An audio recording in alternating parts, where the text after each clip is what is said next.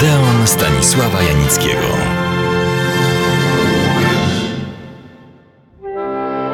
Zdecydowana większość krytyków, historyków kina, fachowców i amatorów uważa ten film wielkiego mistrza za nieudany, chybiony, bezwartościowy, słowem nic nie wart.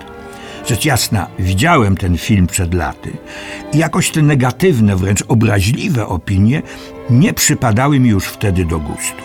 Nie miałem jednak okazji, by z mocarzami kruszyć kopię w jego obronie.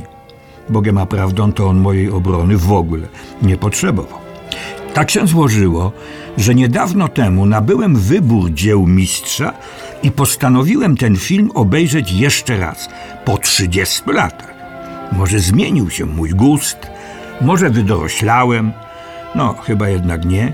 Może zmieniłem kryteria ocen i to moi adwersarze mieli rację. Przed wrzuceniem płyty DVD do wiadomego urządzenia, tak od niechcenia, przeczytałem streszczenie tego filmu umieszczone na jego okładce. Oto one. Film poświęcony operze, najbardziej włoskiej ze sztuk. W przededniu wybuchu I wojny światowej z Neapolu wypływa luksusowy transatlantyk. Na pokładzie zbiera się grono ludzi związanych z teatrem muzycznym, aby uczestniczyć w uroczystości pogrzebu wybitnej śpiewaczki operowej. Rejs zostaje zakłócony przez pojawienie się grupy serbskich uchodźców chroniących się przed represjami po zamordowaniu arcyksięcia Ferdynanda. Koniec cytatu. Boże jedyny, czyje to jest dzieło? Toż to pompatyczny gniot, nie zasługujący nie tylko na obejrzenie, ale i na jakiekolwiek zainteresowanie. A jego twórcę należałoby ukamieniować, oczywiście symbolicznie. No więc, któż jest tym nieszczęsnym biedakiem, który powinien ponieść zasłużoną karę? Jest nim nieżyjący już Federico Fellini. Nawet lejkom nie trzeba tłumaczyć, kto zacz. Jeden z największych, najoryginalniejszych twórców kina wszechczasowego. Ktoś powie, no cóż, i mistrzom zdarzają się wpadki, pomyłki, działania udane. Zgoda. Ale nie ma ze mną zgody w tym przypadku, bo podejrzewam, pewności nigdy się nie ma, że ci, którzy uważają film Feliniego a statek płynie za największą klęskę mistrza, po prostu nie zrozumieli sensu i przewrotnego piękna tego dzieła. Wszystko jest tu wymyślone, zniekształcone, wyolbrzymione, a jednocześnie obejrzane jak w krzywym zwierciadle.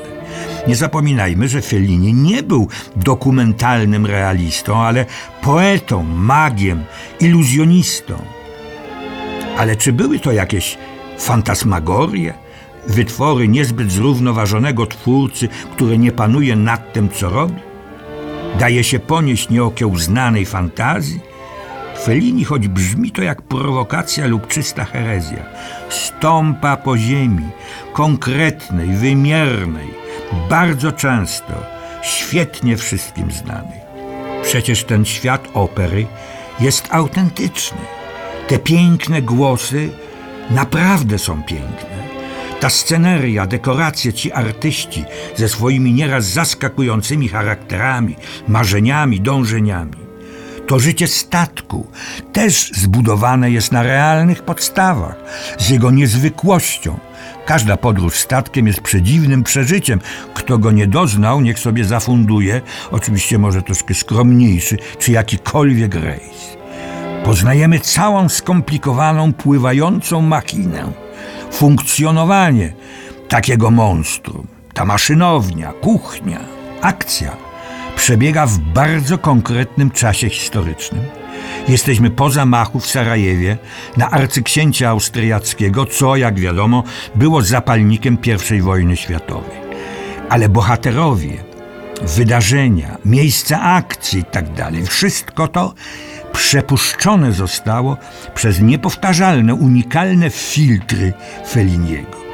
Ile w tym jest nostalgii, inteligentnego dowcipu, przekory, ale i zachwytu i fascynacji tym światem. I jeszcze jedno, wcale nie takie błahe.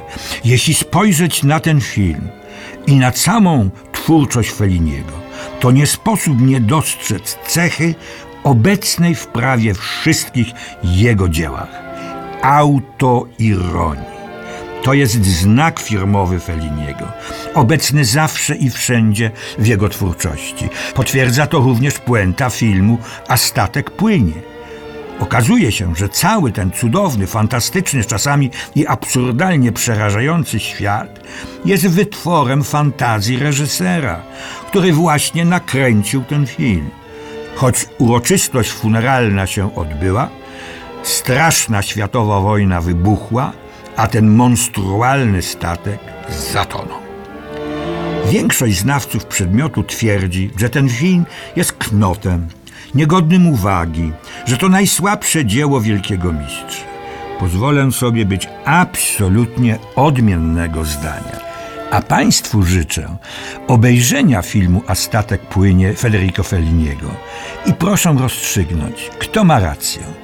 Choć w gruncie rzeczy nie o jakąś obiektywną prawdę, ale o przeżycie dzieła sztuki tu chodzi.